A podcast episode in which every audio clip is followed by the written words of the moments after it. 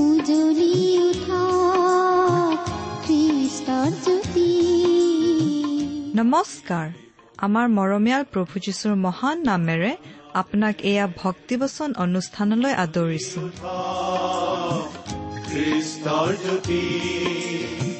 আকাশ বতাহ মুখৰিত কৰি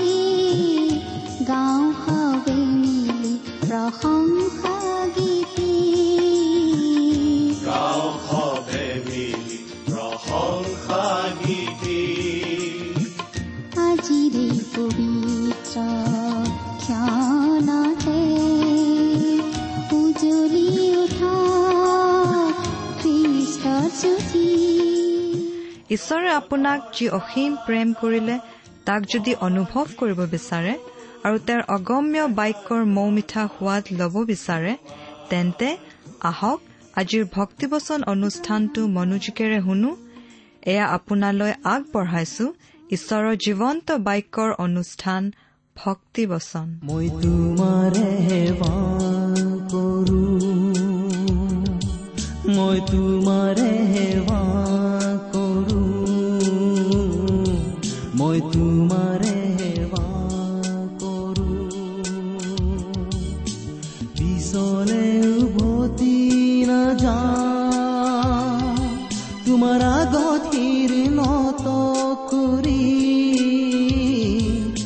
যাব পাৰো তোমাৰ পথে দুখ কষ্ট আহিলে জীৱন পিছলে উভতি নাযা তোমাৰ আগতিৰ নত কৰি যদি যাব পাৰো তোমাৰ পথে দুখ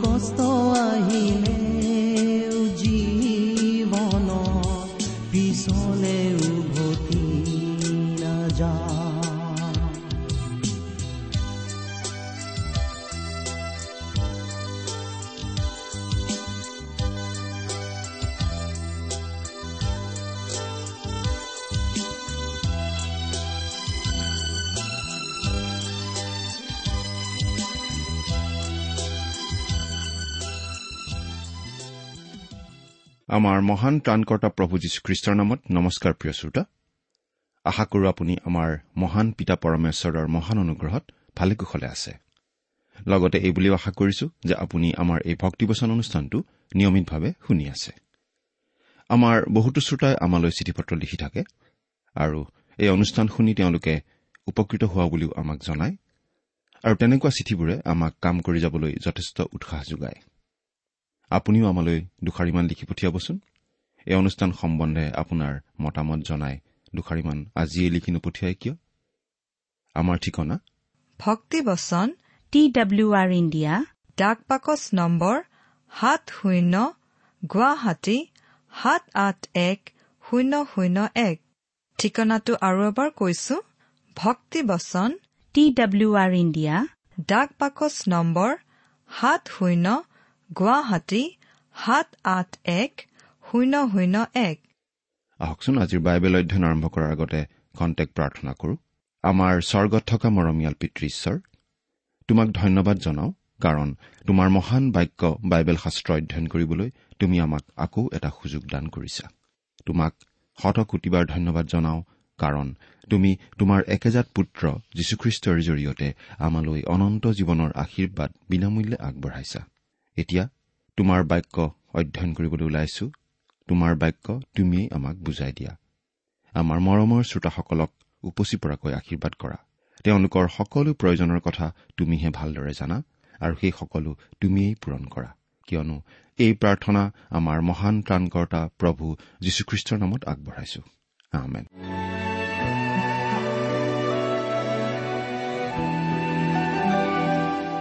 প্ৰিয় শ্ৰোতা যদিহে আপুনি আমাৰ এই ভক্তিবচন অনুষ্ঠানটো নিয়মিতভাৱে শুনি আছে তেনেহলে আপুনি নিশ্চয় জানে যে আমি আজি কিছুদিন ধৰি বাইবেলৰ নতুন নিয়ম খণ্ডৰ ইব্ৰীবিলাকৰ প্ৰতি পত্ৰ নামৰ পুস্তকখন অধ্যয়ন কৰি আছো। যোৱা অনুষ্ঠানটো আপুনি যদি শুনিছিল তেতিয়াহ'লে আপুনি এই কথাও জানে যে আমি এই ইব্ৰী পুস্তকখনৰ তিনি নম্বৰ অধ্যায়ৰ এঘাৰ নম্বৰ পদলৈকে পঢ়ি আমাৰ আলোচনা আগবঢ়াইছিলো। নহয়নে বাৰু? আজিৰ অনুষ্ঠানত আমি এই ইব্ৰী পুস্তকৰ তিনি নম্বৰ অধ্যায়ৰ বাৰ নম্বৰ পদৰ পৰা আমাৰ আলোচনা আৰম্ভ কৰিব খুজিছো। প্ৰিয় শ্ৰোতা ইব্ৰী পুস্তকৰ লিখকজনে খ্ৰীষ্টীয় বিশ্বাসী সেই ইব্ৰী লোকসকলক এই বুলি সাৱধান কৰি দিছে যাতে প্ৰাচীন কালত ইছৰাইলীয় লোকসকলে তেওঁলোকৰ অবিশ্বাসৰ কাৰণে যেনেকৈ প্ৰতিজ্ঞাৰ দেশত প্ৰৱেশ কৰাৰ পৰা বঞ্চিত হৈছিল তেওঁলোক যেন তেনেকৈ ঈশ্বৰৰ আশীৰ্বাদৰ পৰা বঞ্চিত হ'ব লগা নহয়। এতিয়া আমি বাইবেলৰ পৰা পাঠ কৰি দিম। ইব্ৰী তিনি নম্বৰ অধ্যায়ৰ বাৰ নম্বৰ পদ। ইয়াত এনেদৰে লিখা আছে হে ভাইবিলাক সাৱধান। কিজানি কেনেবাকৈ জীৱনময় ঈশ্বৰৰ পৰা খহি পৰিবলৈ তোমালোকৰো কোনোজনৰ অবিশ্বাসী দুষ্ট হৃদয় হ'ব? এই কথাটো খ্ৰীষ্টীয় বিশ্বাসীৰ ক্ষেত্ৰত সঁচা হ'ব পাৰেনে বুলি কোনোবাই সুধিব পাৰে। খ্ৰীষ্টীয় বিশ্বাসীৰ ক্ষেত্ৰতো এনেকুৱা ঘটিব পাৰে। আমি এটা কথা মন কৰা উচিত যে ইছৰাইলীয় লোকসকলৰ প্ৰতি ঈশ্বৰ অসন্তুষ্ট হৈছিল তেওঁলোকৰ পাপৰ কাৰণে। তেওঁলোকৰ পাপ কি আছিল? নৰবধ নহয় চুৰিও নহয় মিছা কথা কোৱাটোও নহয়। তেনেহলে তেওঁলোকৰ পাপ কি আছিল? তেওঁলোকে ঈশ্বৰক সন্দেহ কৰিছিল। ঈশ্বৰৰ কথা বিশ্বাস কৰা নাছিল আৰু সেইটোৱেই আছিল তেওঁলোকৰ পাপ। এতিয়া আমি চাওঁ তেৰ নম্বৰ পদটো। ইয়াত এনেদৰে লিখা আছে কিন্তু পাপৰ প্ৰবঞ্চনাৰে তোমালোকৰ কোনো যেন কঠিন হৈ নাযায়। এইকাৰণে আজি বোলা সময়টো থাকে মানে দিনে দিনে পৰস্পৰক উদগোৱা। পৰস্পৰক উদগোৱা। প্ৰিয় শ্ৰোতা আমিও এই কামটো কৰা উচিত। অৰ্থাৎ আমিও ইজনে সিজনক উদগোৱা উচিত। পাপৰ প্ৰবঞ্চনাৰে তোমালোকৰ কোনো যেন কঠিন হৈ নাযায়। যদিও এইটো খ্ৰীষ্টীয় বিশ্বাসীসকলৰ বাবে এটা সাৱধান বাণী পাপৰ দ্বাৰা প্ৰবঞ্চিত হৈ খ্ৰীষ্টীয় জীৱনৰ আশীৰ্বাদ নেহেৰুৱাবলৈ এই কথাটোৰ ব্যৱহাৰিক প্ৰয়োগ আছে। খ্ৰীষ্টীয় বিশ্বাস নথকা লোকসকলৰ ক্ষেত্ৰতো। আচলতে অন্তৰত থকা অবিশ্বাসৰ কাৰণেই অসংখ্য লোকে পৰিত্ৰাণৰ আশীৰ্বাদ হেৰুৱাই আছে। কোনো মানুহে যেতিয়া কয় তেওঁৰ জ্ঞান বুদ্ধিৰে তেওঁ খ্ৰীষ্টৰ কথা বুজি নাপায় তেতিয়া আমি বিশ্বাস নকৰো। কাৰণ অন্তৰত আচলতে অবিশ্বাস থকা কাৰণেহে তেওঁলোকে তেনেকৈ কয়। এজন মানুহে তেওঁৰ এটা অভিজ্ঞতাৰ কথা এনেদৰে বৰ্ণাইছিল। তেওঁ কৈছিল মই এখন ঠাইত সাপ্তাহিক বাইবেল অধ্যয়নৰ ক্লাছ লৈছিলো। গীৰ্জাঘৰলৈ বহুত মানুহ অহা দেখি এজন মানুহে অলপ কৌতূহলৰ দৃষ্টিৰে চাইছিল। মানুহবোৰৰ হাতে হাতে বাইবেল আছিল। তেওঁলোক অতি আগ্ৰহেৰে গীৰ্জাঘৰলৈ আহিছিল। তাকে দেখি সেই মানুহজনৰ কৌতূহল হ'ল আৰু মানুহবোৰৰ পিছে পিছে গীৰ্জাঘৰত সোমাল। সপ্তাহৰ মাজভাগত কিহেনো মানুহবিলাকক আকৰ্ষিত কৰি গীৰ্জাঘৰলৈ লৈ আনে সেইটো তেওঁ জানিব বিচাৰিছিল। সেই মানুহজন ভাল মানুহেই আছিল ভদ্ৰ মানুহ আছিল। তেওঁ মানুহবোৰৰ পিছে পিছে গীৰ্জাঘৰত সোমাল আৰু গোটেইখিনি সময় গীৰ্জাঘৰত বহি থাকিল। তাৰ পাছত তেওঁ মোৰ ওচৰলৈ আহি সুধিলে আপুনি কেৱল মাত্ৰ বাইবেলৰ কথাই শিকালে? আৰু সেই বাইবেলৰ শিক্ষাৰ কাৰণেই ইমানবিলাক মানুহ গীৰ্জালৈ আহেনে? মই হয় বুলি উত্তৰ দিলো। কাৰণ সেইদিনা বৃহস্পতিবাৰ আছিল আৰু সেইদিনা আমি কেৱল বাইবেল অধ্যয়নহে কৰিছিলো। সেই মানুহজনে প্ৰতি বৃহস্পতিবাৰে সেই অধ্যয়নলৈ আহিব ধৰিলে। তাৰ পাছত দেওবাৰেও আহিব ধৰিলে আৰু ঈশ্বৰৰ আত্মাই তেওঁৰ অন্তৰত বিশেষভাৱে কথা কলে। এদিন সেই মানুহজন বাইবেল অধ্যয়নলৈ আহি মোক এই বুলি কলে মই ভাবি আছিলো মই এজন খ্ৰীষ্টিয়ান বুলি। কিন্তু এতিয়া মই বুজিছো মই নহয়। মই কেৱল গীৰ্জাৰ এজন সভ্যহে। কিন্তু আপুনি কোৱা কিছুমান কথা মই গ্ৰহণ কৰিবলৈ টান পাওঁ। উদাহৰণস্বৰূপে সেই জোনাৰ ঘটনাটো। কোনো এজন মানুহে মাছৰ পেটত তিনিদিন তিনি ৰাতি জীয়াই থাকিব পাৰে বুলি মই বিশ্বাস নকৰো।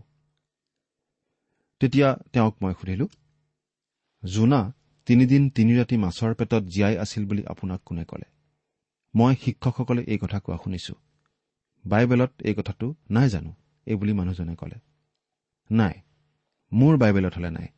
সেইবুলি কৈ মই জোনাৰ পুস্তকখন মেলি তাত কি লিখা আছে তেওঁক দেখুৱালো। আৰু তাৰ পাছত নতুন নিয়মৰ পৰা প্ৰভু যীশুৱে কোৱা কথাখিনি তেওঁক পঢ়ি শুনালো। মুঠিয়ে লিখা শুভবাৰ্তাৰ বাৰ নম্বৰ অধ্যায়ৰ চল্লিছ নম্বৰ পদ। কিয়নো জোনা যেনেকৈ তিনিদিন তিনি ৰাতি বৰ মাছৰ পেটত আছিল তেনেকৈ মানুহৰ পুত্ৰও তিনদিন তিন ৰাতি পৃথিৱীৰ ভিতৰত থাকিব। তেতিয়া মই সেই মানুহজনক কলো যদিহে জোনা পুনৰুত্থিত হোৱা কথাটো আপুনি গ্ৰহণ কৰিবলৈ টান পায় তেতিয়াহ'লে প্ৰভু যীশু মৃত্যুৰ পৰা পুনৰুত্থিত হোৱা কথাটো আপুনি গ্ৰহণ কৰিব নোৱাৰিব। তেতিয়া তেওঁ কলে অ' কথাটো মই তেনেকুৱা ধৰণে চোৱাই নাছিলো। এতিয়া মোৰ আৰু একো সমস্যা নাই। আপোনাৰ আৰু কিবা কথা গ্ৰহণ কৰাত অসুবিধা আছেনে? সেইবুলি মই সুধিলো। নাই বুলিয়েই ক'ব লাগিব। তেওঁ উত্তৰ দিলে। তেতিয়া মই তেওঁৰ চকুলৈ পোনে পোনে চাই সুধিলো আপোনাৰ জীৱনত কি পাপ আছে যিটোৱে আপোনাক খ্ৰীষ্টৰ পৰা আঁতৰাই ৰাখিছে? তেওঁৰ মুখখন ৰঙা হৈ পৰিল আৰু সুধিলে কোনোবাই আপোনাক মোৰ বিষয়ে কিবা কৈছে নেকি? নাই। কিন্তু মই জানো আপোনাৰ বৌদ্ধিক সমস্যাটো আচলতে আপোনাৰ অন্তৰত থকা সমস্যাহে। আপোনাৰ জীৱনত কিবা এটা আছে যিটোৱে আপোনাক খ্ৰীষ্টৰ পৰা আঁতৰাই ৰাখিছে। সেই মানুহজনে হঠাতে উচুপি উচুপি কান্দিব ধৰিলে। তেওঁ স্বীকাৰ কৰিলে যে তেওঁ তেওঁৰ ছেক্ৰেটাৰীগৰাকী এটা ঘৰত ঘৰ ভাড়া দি ৰাখিছে। আৰু তাতেই তেওঁ বেছিভাগ সময় কটায়। আৰু সেই কথাটো তেওঁৰ ঘৈণীয়েকৰ পৰা তেওঁ গোপনে ৰাখিছে। তেতিয়া মই তেওঁক কলো আচলতে আপোনাৰ আচল সমস্যাটো তাতেই নহয়নে বাৰু? আপুনি খ্ৰীষ্টৰ খাতিৰত আপোনাৰ সেই ছেক্ৰেটেৰীগৰাকীক ত্যাগ কৰিবলৈ সাজু নহয়। তেওঁ মোলৈ চাই কলে এৰা। তাৰ পাছত তেওঁ কলে মই ভাড়া দিয়া বন্ধ কৰিম আৰু অহাকালি তাইৰ লগত কথা পাতিম। সেই মানুহজনে ছেক্ৰেটাৰীগৰাকীৰ লগত কথা পাতিলে আৰু চাকৰিৰ পৰা অব্যাহতি দিলে। ছেক্ৰেটাৰীগৰাকীয়ে সকলো কথা প্ৰচাৰ কৰি দিম বুলি ভয় দেখুৱালে কিন্তু তেনে নকৰিলে। সেইদিনা সেই মানুহজনে মোৰ কাৰ্যালয়লৈ আহি আঁঠু কাঢ়ি প্ৰাৰ্থনা কৰি খ্ৰীষ্টক নিজৰ জীৱনৰ ত্ৰাণকৰ্তা বুলি গ্ৰহণ কৰিলে। প্ৰিয় শ্ৰোতা সেই বিখ্যাত শিক্ষকজনে লগ পোৱা মানুহজনৰ নিচিনাকৈ বহুতো মানুহ আছে। মানুহবোৰৰ মূল সমস্যাটো আচলতে বেলেগ পাপৰ সমস্যা। সেই পাপেহে মানুহক খ্ৰীষ্টলৈ অহাত বাধা দি থাকে। শাস্ত্ৰৰ পৰা আমি আন এটা অংশ চাব খুজিছো য'ত মুচিৰ কথা উল্লেখ কৰা হৈছে। আমি পঢ়িম দ্বিতীয় কৰিন্ঠিয়া তিনি নম্বৰ অধ্যায়ৰ ছয় নম্বৰ পদৰ পৰা ন নম্বৰ পদলৈকে দ্বিতীয় কৰিন্ঠিয়া তিনি নম্বৰ অধ্যায়ৰ ছয়ৰ পৰা ন পদ। তেওঁৱেই আমাক নতুন নিয়মৰ পৰিচাৰক হবৰ যোগ্য কৰিলে। আখৰৰ নহয় কিন্তু আত্মাৰহে।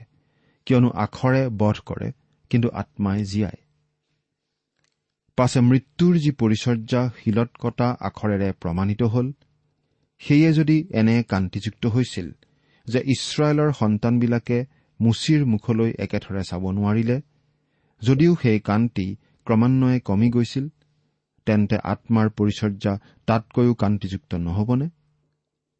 কিয়নো দণ্ডাজ্ঞাৰ পৰিচৰ্যা যদি কান্তিযুক্ত হয় তেন্তে ধাৰ্মিকতাৰ পৰিচৰ্যা তাতকৈও অধিক কান্তিযুক্ত হয়। প্ৰিয় শ্ৰোতা আখৰে অৰ্থাৎ বিধানে আমাক দোষী সাব্যস্ত কৰে কিন্তু একমাত্ৰ পবিত্ৰ আত্মাইহে আমাক জীৱন দিব পাৰে। বিধান উত্তম নাছিল বুলি পাচনি পৌলে আমাক আচলতে কোৱা নাই। বিধানৰ গৌৰৱ মহিমা আছিল কিন্তু সেই গৌৰৱ আছিল ক্ষণস্থায়ী। এঘাৰ নম্বৰ পদটোকেই চাওকচোন। দ্বিতীয় কৰিন্ঠিয়া তিনি নম্বৰ অধ্যায়ৰ এঘাৰ নম্বৰ পদ।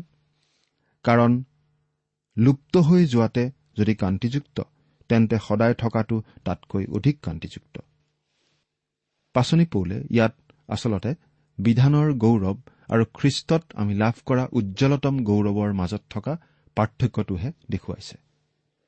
বিধানৰ গৌৰৱে মুচিৰ মুখ উজ্জ্বল কৰিছিল কিন্তু সেই কান্তি সেই জ্যোতি পাছত আঁতৰি গৈছিল। কিন্তু খ্ৰীষ্টই আমাক চিৰস্থায়ী উজ্জ্বলতা দিব পাৰে।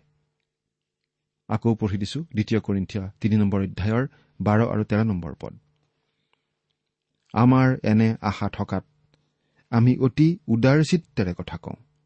আৰু ইছৰাইলৰ সন্তানবিলাকে সেই লুপ্ত হৈ যোৱাটোৰ শেষ যেন একেথৰে চাবলৈ নাপায়। এইকাৰণে মুচিয়ে যেনেকৈ তেওঁৰ মুখত উৰণি ললে আমি তেনেকৈ নকৰো।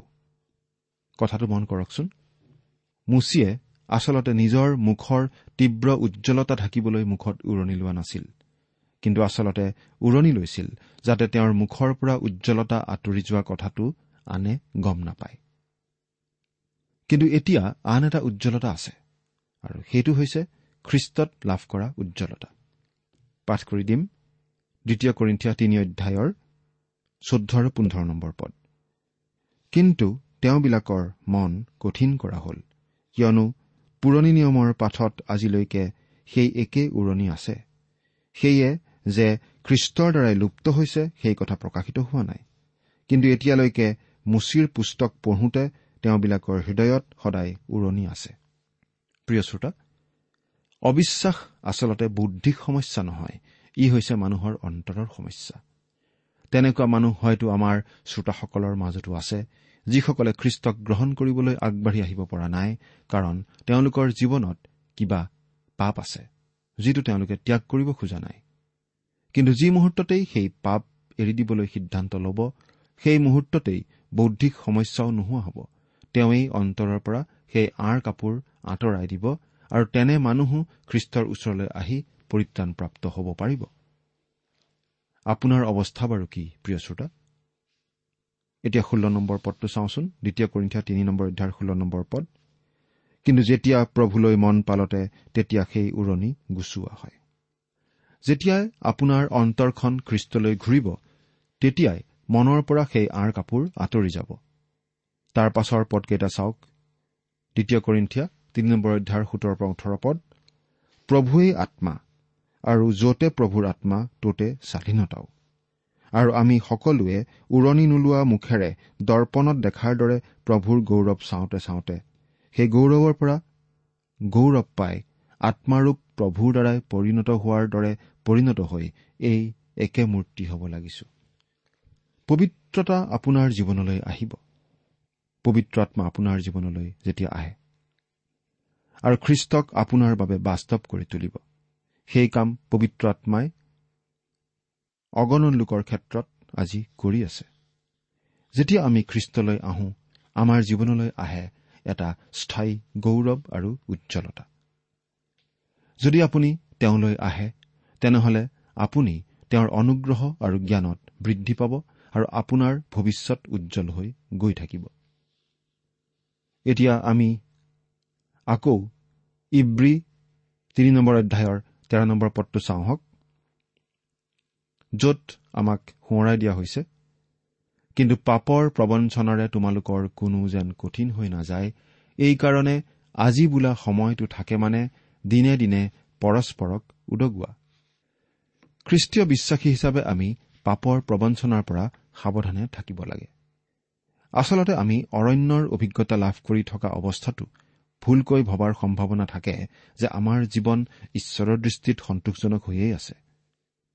উদাহৰণস্বৰূপে এজন খ্ৰীষ্টীয় বিশ্বাসীয়ে অসাধু আচৰণ কৰিব পাৰে আৰু মনতে ক'ব পাৰে কতা মোৰ বিবেকে দেখোন মোক দোষী কৰা নাই।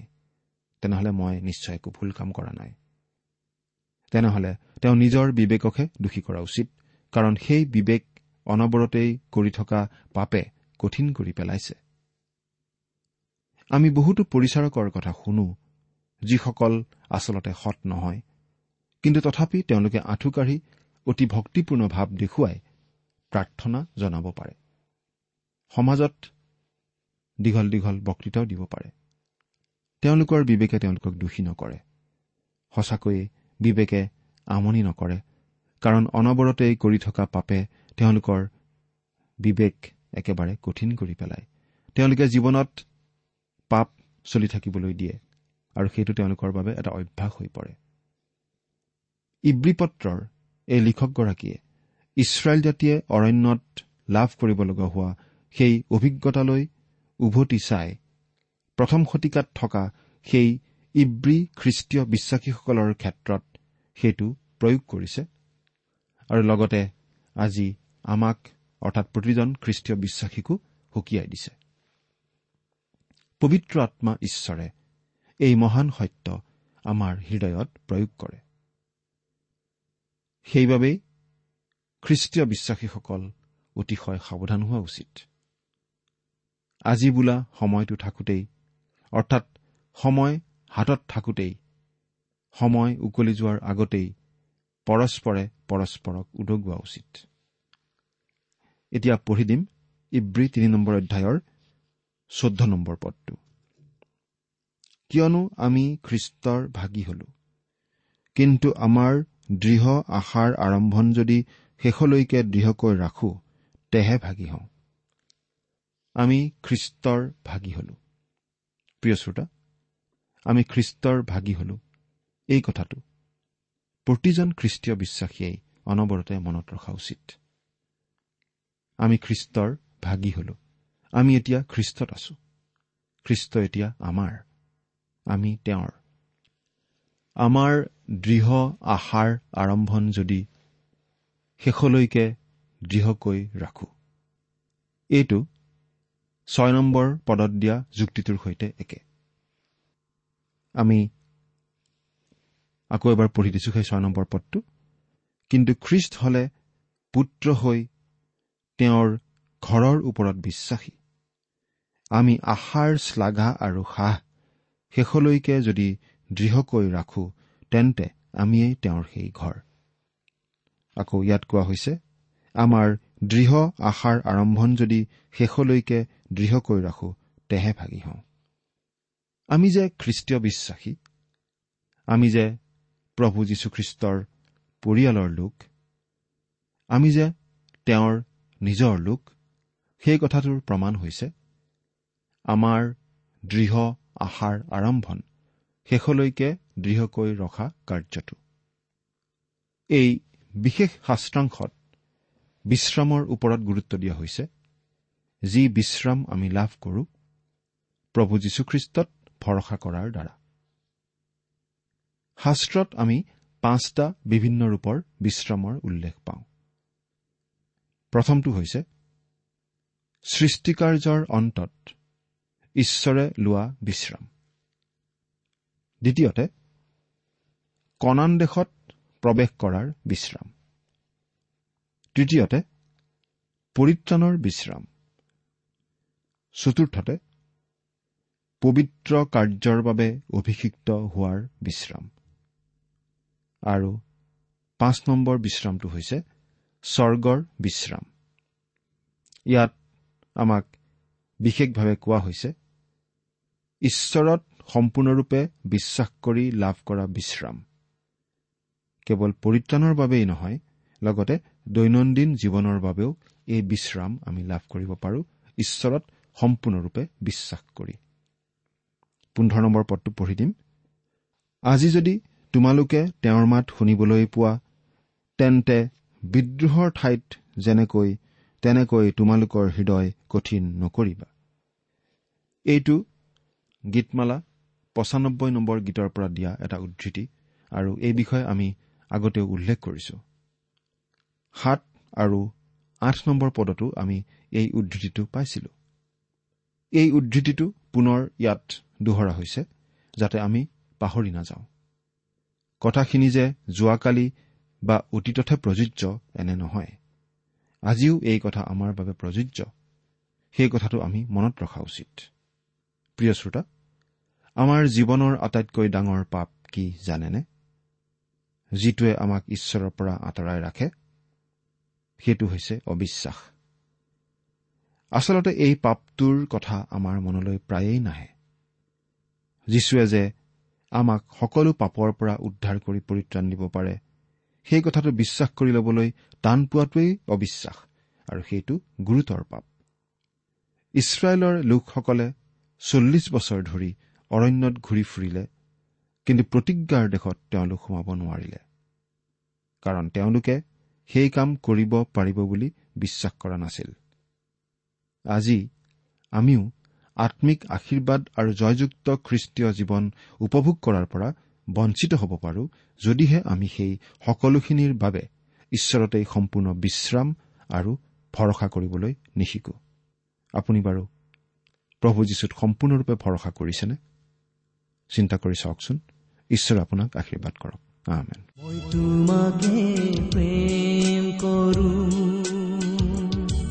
মই তোমাকে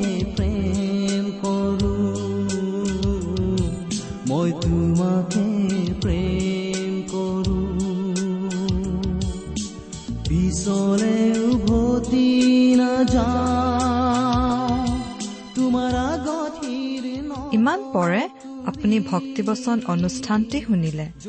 অনুষ্ঠানটি শুনি কেনে পালে? আমালৈ চিঠি লিখি জনাবচোন।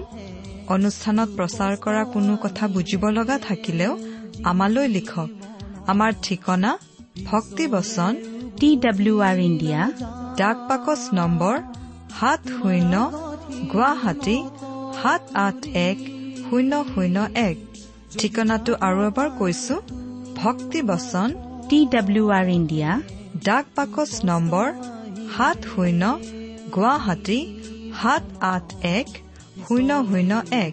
আপুনি ইমেইল যোগেৰেও আমাৰ সৈতে যোগাযোগ কৰিব পাৰে। আমাৰ ইমেইল আইডিটো হৈছে Assamese T TV at radio' eight eight two dot com. আইডিটো আকৌ এবাৰ কৈছো। Assamese T TV at radio' eight eight two dot com. আপুনি টেলিফোনৰ মাধ্যমেৰেও আমাক যোগাযোগ কৰিব পাৰে। আমাৰ টেলিফোন নম্বৰটো হৈছে শূন্য তিনি ছয় এক দুই ছয় শূন্য চাৰি ছয় সাত এক। ফোন নম্বৰটো আকৌ এবাৰ কৈছো zero' three six one two six zero' four six seven one. আজিৰ অনুষ্ঠানটি ইমানতে সামৰিছো। ঈশ্বৰৰ শান্তি আৰু অনুগ্ৰহ আপোনাৰ লগত থাকক। ধন্যবাদ। আমি মাথো